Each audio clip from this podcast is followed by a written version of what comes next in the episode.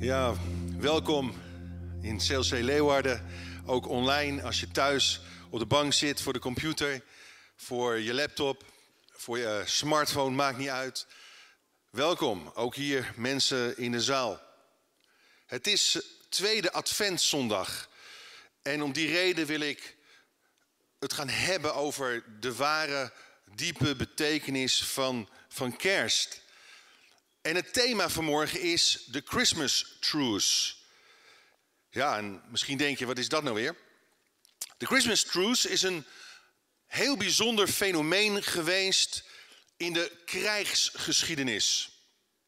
Truce betekent vanuit het Engels vertaald naar het Nederlands wapenstilstand. Wapenstilstand. Dus vandaag gaan we een kijkje nemen in een historisch moment van de Eerste Wereldoorlog.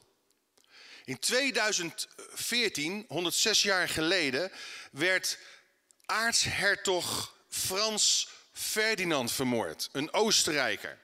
Hij werd vermoord in Servië, in Sarajevo, door een extreem nationalistische militant. Ferdinand, wie was hij? Hij was de troonopvolger van Oostenrijk.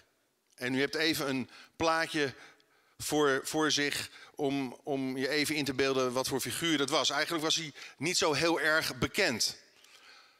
Frans Ferdinand. Maar toch ontstond er een soort van kettingreactie in Europa. Dat zorgde voor een wereldoorlog. Wereldoorlog 1, dat op een gegeven moment ook weer veel later het gevolg had dat er een Wereldoorlog 2 kwam. Wat gebeurde er? De Oostenrijkers stelden een ultimatum op aan Servië. En, en ze wilden met Oostenrijkse agenten op, op Servische bodem een grondig onderzoek verrichten uh, over deze moordzaak. En dat wilden de Serviërs niet. Dus dat ging niet door. Wat gebeurde er? En even heel erg kort door de bocht. Trouwens, uh, toen ik klein was, uh, kind en ook tiener, toen verslond ik altijd van die, van die uh, strips, die, die oorlogsstrips. Volgens mij heb je ze niet meer. Maar ik was gefascineerd altijd door de oorlog. En ehm, ja, ik wilde, ik wilde ook uh, piloot worden, helikopterpiloot wegens astmatische bronchitis ben ik later afgekeurd. Maar um, geschiedenis en, en, en de geschiedenis, ja, dat vond ik altijd wel interessant. Vooral als het ging over de oorlog. Maar ik wil nu even kort de bocht gaan. Ik, ik heb niet heel veel tijd namelijk uh, om erop in te gaan. Maar wat gebeurde er? Oostenrijk verklaarde de oorlog aan Servië. Servië had ehm, hele goede betrekkingen met Rusland. Dus Rusland verklaarde de oorlog aan Oostenrijk. Nou ja, de Duitsers zeiden, wacht even, kom niet aan Oostenrijk. Dus de Duitsers die verklaarden de oorlog aan Rusland. Uh, Frankrijk had weer betrekkingen met Rusland, dus die verklaarden de oorlog aan Duitsland. Duitsland weer aan België. En toen zeiden de Engelsen tegen de Duitsers: hé, hey, wacht even, dat gaat te ver. Uh, wij gaan, komen nu ook op het wereldtoneel tevoorschijn. Uh, wij gaan ons hier ook mee bemoeien. Dus er was een kettingreactie van, van allerlei ja, ingewikkelde, complexe politieke belangen en, en, en betrekkingen. Dit had te maken met allerlei bondgenootschappen die de grootmachten hadden. En zodoende wordt deze oorlog ook wel de loopgravenoorlog genoemd, oftewel de Stellingenoorlog. Een aantal plaatjes hier brengen dat ook heel mooi in beeld. Uh, hoe, dat te, te, ja, hoe, hoe, dat, hoe ze tekeer gingen. Ze, ze groeven zich in, in loopgraven. En um, het was een hele, ja, eigenlijk een hele pijnlijke, langdurige, moeizame oorlog. Deze oorlog leverde eigenlijk niets op. Je kunt je afvragen of überhaupt een oorlog iets oplevert, maar het ging eigenlijk nergens over. Het resultaat was dat er 20 miljoen mensen stierven tijdens Wereldoorlog 1. 9 miljoen soldaten kwamen om het leven. En door verouderde tactieken konden ook weinig successen worden gemeld. Ondanks de opoffering van talloze, zeer grote aantallen militairen. En dit uitte zich in, in de verovering van hele kleine stukjes, veelal kapotgeschoten niemandsland. Zo zag het er een beetje uit. Niemandsland. En deze kleine stukjes land moesten over en weer opnieuw worden verdedigd en weer heroverd. Met massale tegenaanvallen en, en slachtoffers die vielen. Door deze tactiek werd nauwelijks vooruitgang geboekt. Geografisch gezien werd er bijna geen terrein gewonnen.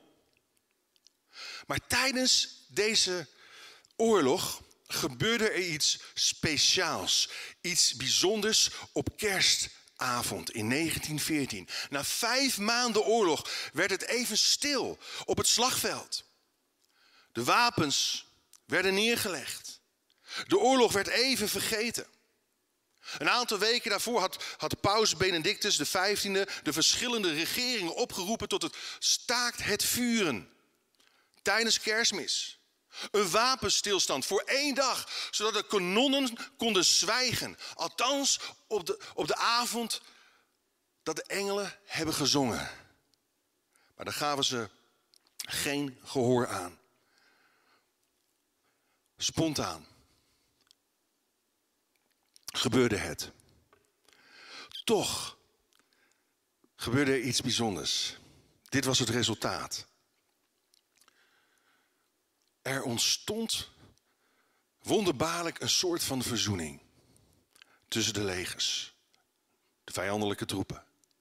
Het begon met het, het aanleggen van kerstbomen door de Duitsers, het zingen van kerstliederen, het aansteken van kaarsen. En, en de Britten en de Fransen reageerden daarop, natuurlijk in hun eigen taal. Maar de troepen begonnen elkaar fijne feestdagen toe te wensen en toe te roepen. Want zo ver van elkaar af stonden ze namelijk niet. Om, om een goed beeld te krijgen van wat er is gebeurd, gaan, gaan we kijken naar een aantal fragmenten, filmfragmenten. Laten we kijken naar het eerste filmfragment.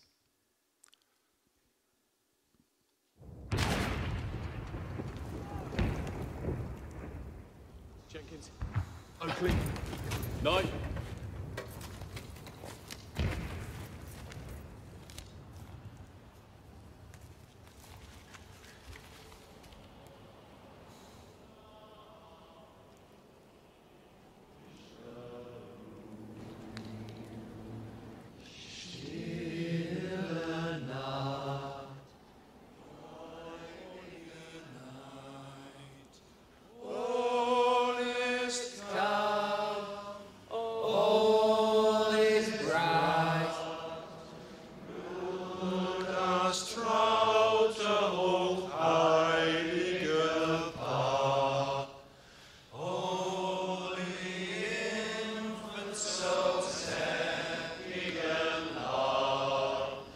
Ja,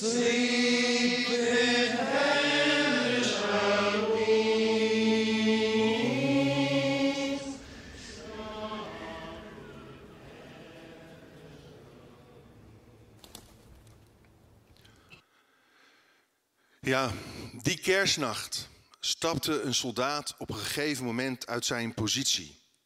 en verklaarde een wapenstilstand. Hij liep heel voorzichtig, aarzelend niemandsland in. En één voor één kwamen er meerdere soldaten tevoorschijn. Zowel Duitsers als Engelsen en Fransen en Pruisen. Nog verrassender was dat ze begonnen met het uitwisselen van kerstcadeaus en, en handdrukken en, en omhelzingen, spelletjes begonnen te spelen, begonnen te drinken met elkaar. Ze gingen zelfs voetballen met elkaar. Historisch.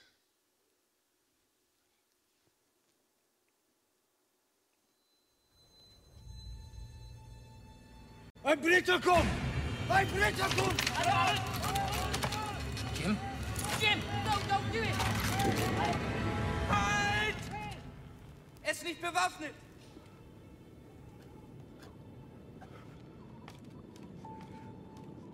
Nein, Otto!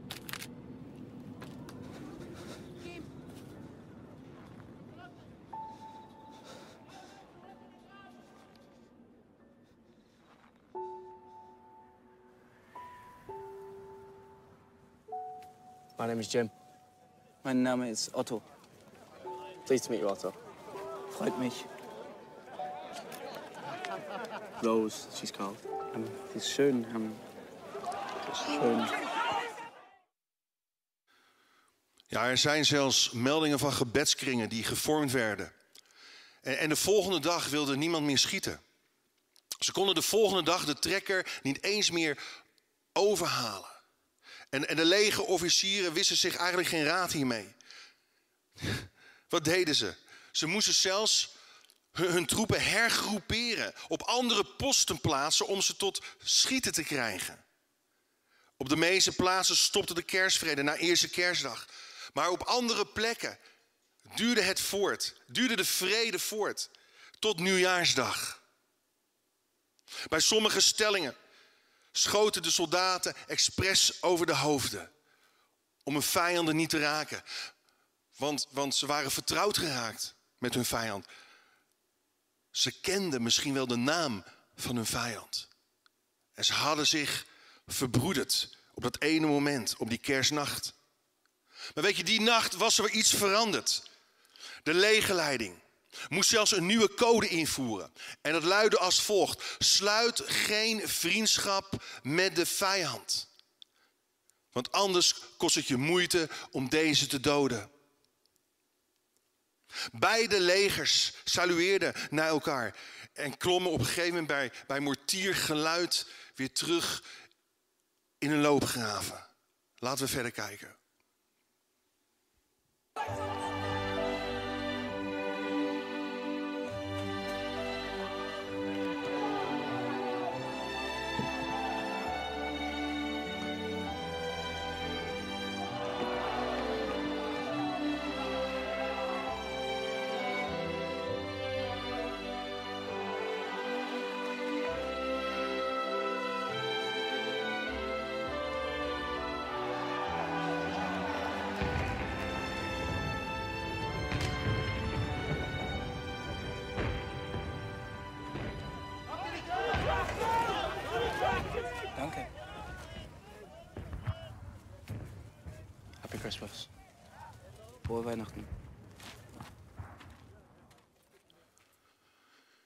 Ja, de kortstondige vriendschappen werden weer vergeten. Het gezang veranderde weer in gekerm en geschreeuw. En kerstbomen maakten plaats voor wapens. De oorlog ging door. Nog drieënhalf jaar lang. Maar lieve mensen, dit illustreert hoe wij mensen vaak met elkaar omgaan. Omgaan met conflicten. Omgaan met verschillen. Verschillen van inzicht, verschillen van mening. Wat gebeurt er? We graven ons in. We kijken elkaar niet meer in de ogen aan. We laden onze woorden met munitie. We halen onze munitie tevoorschijn. En wat doen we ermee? We laden onze geweren.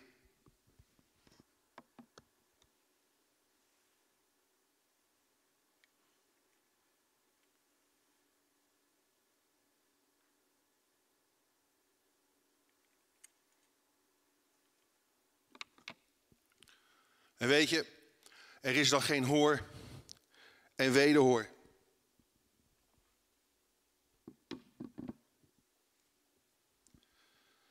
Van geen enkele kant meer. De andere partij is vijand en wordt niet meer als mens of persoon gezien. De ander wordt gedemoniseerd, wordt vergruist. Maar de vraag is deze.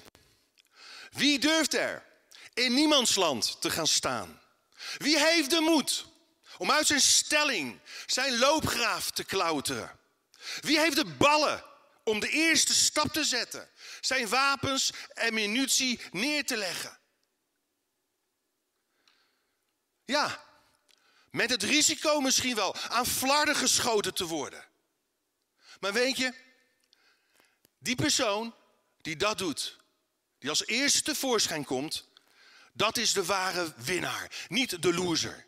Sterker, die is meer dan overwinnaar. Want de Bijbel zegt, wie zal ons scheiden van de liefde van Christus? Verdrukking, lees u mee, of benauwdheid, of vervolging, of honger, of naaktheid, of gevaar, of het zwaard. Maar in dit alles zijn wij meer dan overwinnaars door Hem die ons heeft liefgehad. Weet je, het doel van Jezus' komst was om verder te gaan dan een tijdelijke wapenstilstand. Het doel was verzoening. Jezus, de Zoon van God, het vlees geworden woord van God. Hij ging in niemands land staan. En hij bleef daar staan. Hij ging niet terug naar de hemel of terug in een loopgraaf. Hij, hij ging hangen tussen hemel en aarde in niemands land. En als je goed kijkt naar deze foto, dan zie je ergens een kruis staan. Symbolisch voor wat Jezus heeft gedaan. Als je goed kijkt, zie je dat kruis staan. Het offer dat Jezus bracht. En alle geweren waren op hem gericht. Alle kanonnen en mortieren, bajonetten en messen van haat, van wrok, van bedrog, van leugen, van onreinheid. Van smerigheid was op hem gericht. En hij daalde in het dodenrijk, in niemands land. 1 Petrus 3, vers 18. Hij die rechtvaardig was, lees u mee, heeft geleden voor onrechtvaardigen, opdat hij ons tot God zou brengen. Maar levend gemaakt door de geest. Levend gemaakt door de geest. Door wie hij ook aan de geest in de gevangenis gepredikt heeft. Oké dan, wat zijn de lessen van Christmas Truce 2014? Zodat wij een permanente Christmas Truce 2020 kunnen ervaren. Laten we kijken even hoe die bijzondere nacht in de volgende dag eindigde.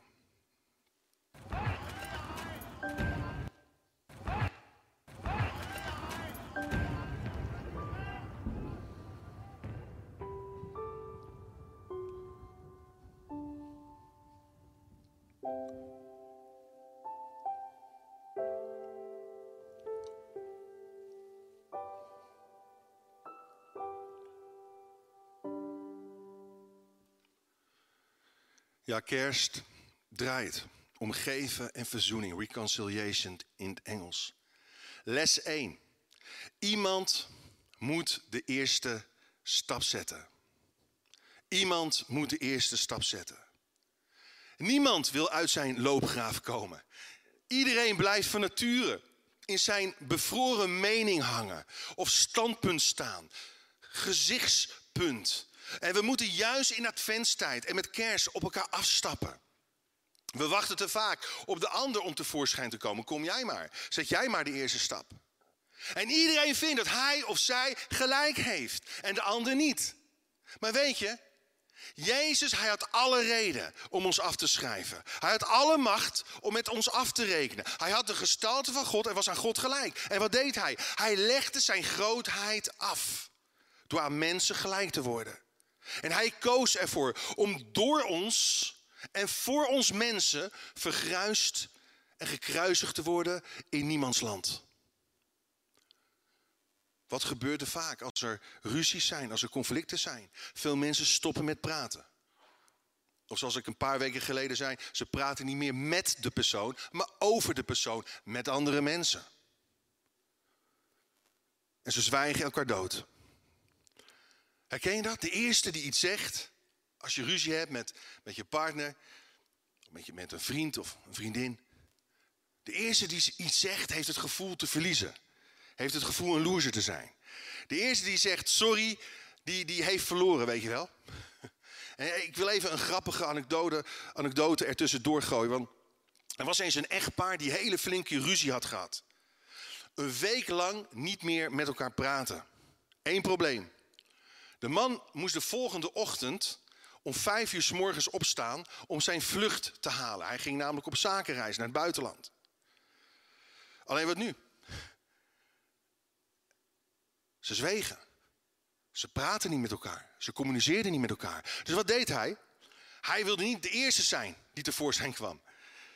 Dus hij schreef een briefje met daarop: Wil je me morgen om vijf uur s morgens wakker maken?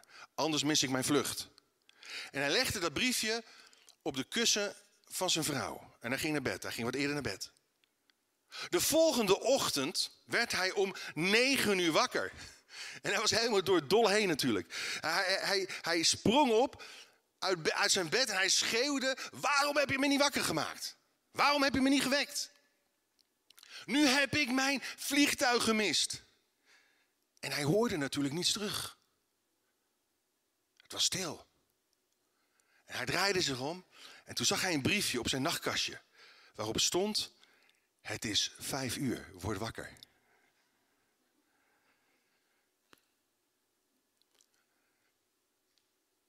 Zet jij de eerste stap in deze adventstijd? Waar wacht je op?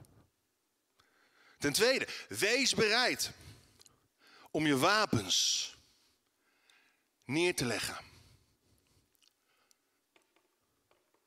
Ook al sta je in je gelijk. Weet je, Jezus, hij ging niet in discussie over onze zonden, gebreken en fouten. Er is namelijk een moment dat je uitgepraat bent.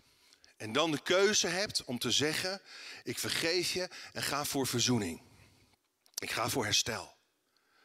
Stel je voor dat Jezus, voordat hij aan het kruis ging, voordat hij in niemandsland ging staan, eerst met ieder mens in discussie was gegaan om eerst te onderhandelen over veranderingen die plaats moesten vinden. Eerst moest gaan kijken of ieder mens wel zou gaan veranderen. Eerst garanties wilde hebben om te kijken, te bedenken of het wel de moeite waard zou zijn om voor die mens, die persoon, te sterven. Weet je, dan zou hij nu, 2000 jaar later, nog met ons in discussie zijn. En aan het praten zijn, aan het onderhandelen zijn. Weet je wat verzoening is? Paulus beschrijft dat hier in 2 Korinthe 5 vers 18. Verzoening is een herstel in de breuk en vijandschap die is ontstaan. En daar zijn ook twee partijen voor nodig. Dit is alles uit God. Die ons met zichzelf verzoend heeft door Jezus Christus en ons de bediening van de verzoening gegeven heeft. God was het namelijk die in Christus de wereld met zichzelf verzoende. En aan hen hun overtredingen niet toerekende. En hij heeft het woord van de verzoening in ons gelegd. Wauw. Verzoening is herstel van relatie. En daar moet je punt achter het verleden voor zetten. Geen punt, komma. Geen dubbele punt. Want ook God zegt tegen jou vandaag: Ik ben gekomen om jou je zonde niet toe te rekenen. Dat is verzoening. Om die vijandschap in je leven af te breken. Je balans is schoon. Je schuld pleit ik weg. Voordat je ook maar iets doet. Voordat je verandert. Want dat is ook genade. En vervolgens natuurlijk gaat de Heilige Geest werken aan je conditie. Maar je positie is dat je vrijgepleit bent. En dat doen we het proces van heiliging. Want God houdt te veel van ons om ons te laten zoals we zijn. Maar het is een werk van de Heilige Geest. Is geen mensenwerk. Het probleem is dat wanneer er conflicten zijn, mensen bij elkaar verandering eisen. Sterker nog, dat willen meten. Dat is in feite niets anders dan controleren. Dan worden we een stelletje fariseeërs. Dat heeft niets met verzoening te maken. Dat is berekening. Om alsnog met een afrekening aan te komen zetten. God zei in Christus, het is genoeg. Amen. Punt. Het staat vast. En weet je, bij verzoening ga je uit van vertrouwen, niet van wantrouwen. Je gaat uit van goedwil, niet van onwil. En dan ten derde, de derde les van de loopgravenoorlog is dit. Focus op wat je bindt en niet op wat je scheidt. Focus op wat je bindt. Wat je samenbindt. Ja, ook al woedde er. Een uitwendige oorlog, een innerlijke oorlog. Die werd even tijdelijk gestopt. Jezus is gekomen om eeuwige vrede te bewerkstelligen in onze levens. Weet je, vergeving kun je zonder dat de ander het weet geven of schenken. Verzoening moet van beide kanten komen. Verzoening is een herstel in de breuk die is ontstaan. Daar zijn twee partijen voor nodig. Want luister goed, zowel de Duitsers als de Engelsen kwamen uit hun loopgraven tevoorschijn. Nadat, nadat die ene soldaat de stap had gezet. Maar wat was de aanleiding? Ze hoorden dezelfde gezangen. Focus op wat je bindt, niet op wat je scheidt. Ze zaten in dezelfde kou. Ze ervoeren dezelfde pijn en leed en kou. Ze hadden hetzelfde verlangen. Niet wat hun scheiden stond tussen hen in, maar wat hen als mensen bindt kwam dichterbij. En de afstand werd kleiner. Tijdens de wapenstilstand stonden niet de verschillen tussen hen in, maar de overeenkomsten. Dezelfde kerstliederen. Heilige nacht, stille nacht in het Engels, in het Frans, in het Duits. Hetzelfde verlangen. Naar thuis, naar vrede, naar herstel werd de magneet die voor broederschap en verzoening zorgde. Wat is verzoening? Heel kort een definitie. Verzoening betekent dit. Theologisch gezien, bijbels theologisch gezien, betekent verzoening kwijtschelding van straf. De aansprakelijkheid ongedaan maken. Niet toerekenen van schuld. De balans staat weer op nul. De balans staat op nul. Door het offer van Jezus. Door het bloed van Jezus brengt God onze balansrekening op nul. En als wij verzoend zijn met God, geeft God ons de kracht ons te verzoenen met anderen. Ik hoorde ja maar al. Ja, ja, maar als je mijn baas, mijn vrouw, mijn man, mijn leraar, mijn collega zou kennen, dan denk je daar anders over. Ja, maar als je je in mijn situatie zou bevinden, ja, maar weet je wel hoe irritant die gast is en in mijn allergie zit? Ja, maar is geen excuus om niet voor herstel te gaan, om niet uit je loopgraaf te komen. Want verzoening is een ambt, is een bediening aan ons allen gegeven. Het is geen optie, het is een ambt. Tenminste, als je een nieuwe schepping in Christus bent. In die context zegt Paulus: het oude is voorbij en nu is gekomen. Waarom blijf je dan zo hangen in het oude, in het verleden? Stap uit je loopgraaf. Stap uit die slachtofferrol en neem je verantwoordelijkheid als een nieuwe schepping in Christus. Stap uit de loopgraaf van je eigen mening, je vooroordeel, je aanklacht, je gekwetstheid. En zie de mens staan. En natuurlijk, er zijn ook situaties waarin verzoening misschien niet mogelijk is. Vanwege geweldpleging, vanwege misbruik of mishandeling. Of dreigementen. Of misschien gewoonweg omdat de andere partij niet uit zijn loopgraaf graaf wil komen. Laat het dan aan God over. Laat het oordeel aan God over. Veeg het stof van je voeten en ga door. Maar luister goed. Advent betekent dit. Uiteindelijk, Jezus stapte voor ons in de frontlinie van een universeel conflict. Tussen goed en kwaad. In de vuurlijn ging hij staan. En dat ging verder dan een Christmas truce. Verder dan een tijdelijke wapenstilstand. Dit ging om een eeuwige vrede in ons hart en vreugde in ons leven. Zodat we samen met elkaar in harmonie over een paar weken kunnen zingen. Hoor de engelen zingen de eer van een nieuw geboren Heer. Vrede op aarde. Het is vervuld. God verzoent de mensen schuld. Een prachtig gedicht en lied van Charles Wesley. Misschien voedt er op dit moment een interne loopgravenoorlog in je ziel. Je wil je gram halen, je recht halen of wat dan ook. Ik wil je dit vragen. Denk even goed na. Bespreek het straks met je partner. Bespreek het met je connectgroepleider.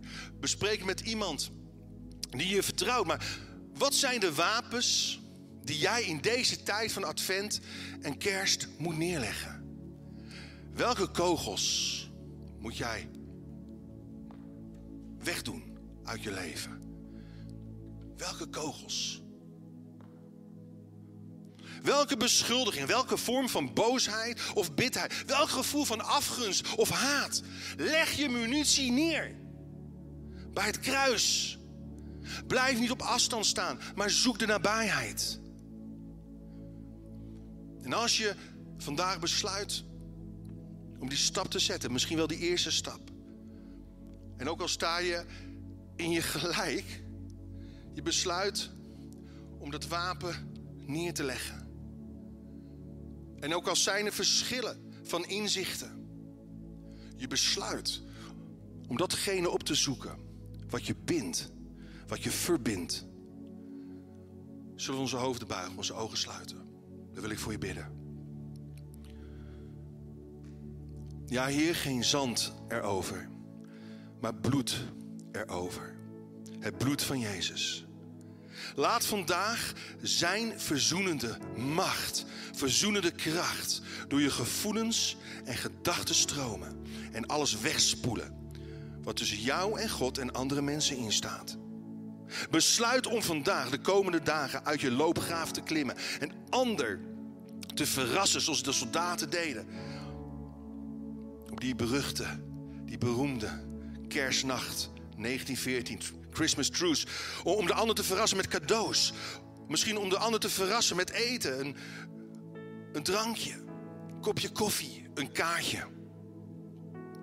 Zet de eerste stap. Dat verandert je van een loser naar meer dan een overwinnaar. Ongeacht de reactie van de ander. Wees bereid om je wapens te laten vallen.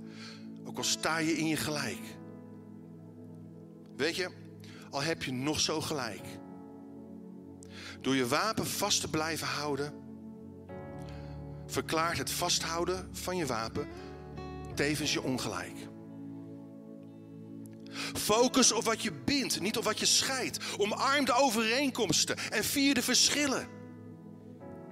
En voor, voor jou, als je Jezus nog niet kent, als je de vrede van God nog niet in je hart hebt, maak dan vandaag de keuze om ook tot God te naderen.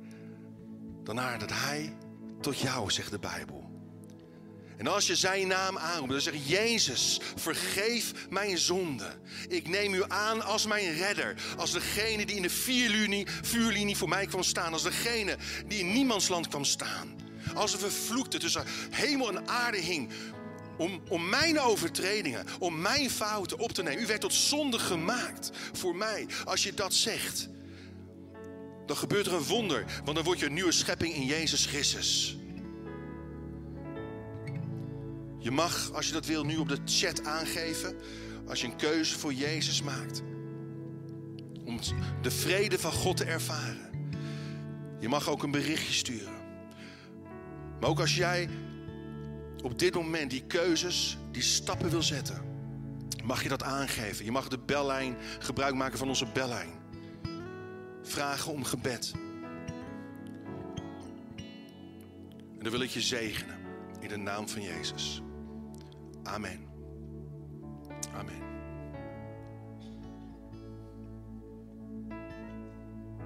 We vieren vanavond, of vanmorgen het avondmaal. En als je nog geen stukje brood of, of wijn hebt, dan, dan vraag ik je om dat uh, nu te pakken. En ik wil heel graag een hele mooie tekst voor gaan lezen uit Efeze 2, vers 14. Als inleiding op het avondmaal. Er staat vroeger was u ver van God verwijderd. Maar nu bent u dicht bij Hem gekomen. Dichtbij door wat? Door het bloed van Jezus. Want Hij is onze vrede. Hij die de Joden en niet-Joden tot één volk heeft gemaakt. En de muur van vijandschap die tussen hen instond heeft afgebroken. Jezus kan ook de muren in jouw hart afbreken. Door met zijn eigen lichaam de wet met haar geboden en voorschriften buiten werking te stellen. Tussen Jood en Heide bracht hij vrede. Door in zichzelf uit die twee één nieuwe mens te scheppen. En door zijn dood aan het kruis heeft hij beide in één lichaam met God verzoend. Zo heeft hij de vijandschap aan de vijandschap een eind gemaakt. En de Heer Jezus, voordat hij aan het kruis ging sterven, pakte met zijn discipelen een brood. Het was één brood. En, en dat brak hij. En, en hij deelde het uit. Eén brood als, als symbool van, van een eenheid. Ik geloof dat verdeeldheid in het lichaam van Christus funest is. Altijd de tactiek van de duivel, de boze is om de plannen van God te verijdelen, te dwarsbomen. Maar als het volk van God één is, dan gaan grote, grote dingen gebeuren. Daarom is het zo belangrijk dat wij op dit moment, want ik geloof dat dit een woord is voor onze gemeente, voor ieder van ons. Om te zeggen, ik, ik ga die stappen zetten naar God toe, naar mijn naasten toe. En ik neem dat brood aan, ik neem dat offer aan. Dat is het middel, het instrument dat mij heeft verzoend met God de Vader. En Heer Jezus, je mag dat nu pakken. Hij zei, hij brak het en hij zei, dit is mijn lichaam. Eet en neemt. Dit vertegenwoordigt mijn offer. Zullen we dat doen?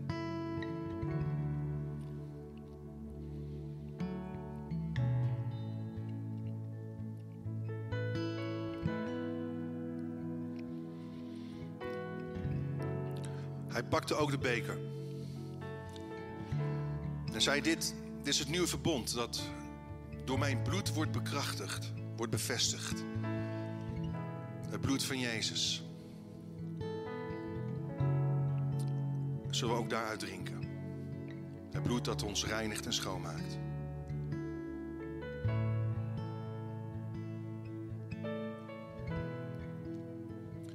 Ja, Heer Jezus, dank u wel voor het offer dat u bracht daar in niemands land.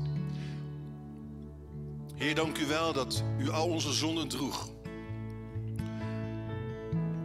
Maar door dat kruis droeg u ze weg. Kon God de Vader zich verzoenen met ons. De breuk kon worden hersteld. De kloof kon worden overbrugd. Heer, dank u wel daarvan voor. Dat we uw diepe vrede mogen ervaren in onze harten. En een eenheid mogen zijn. Eén lichaam. In Jezus' naam. Amen.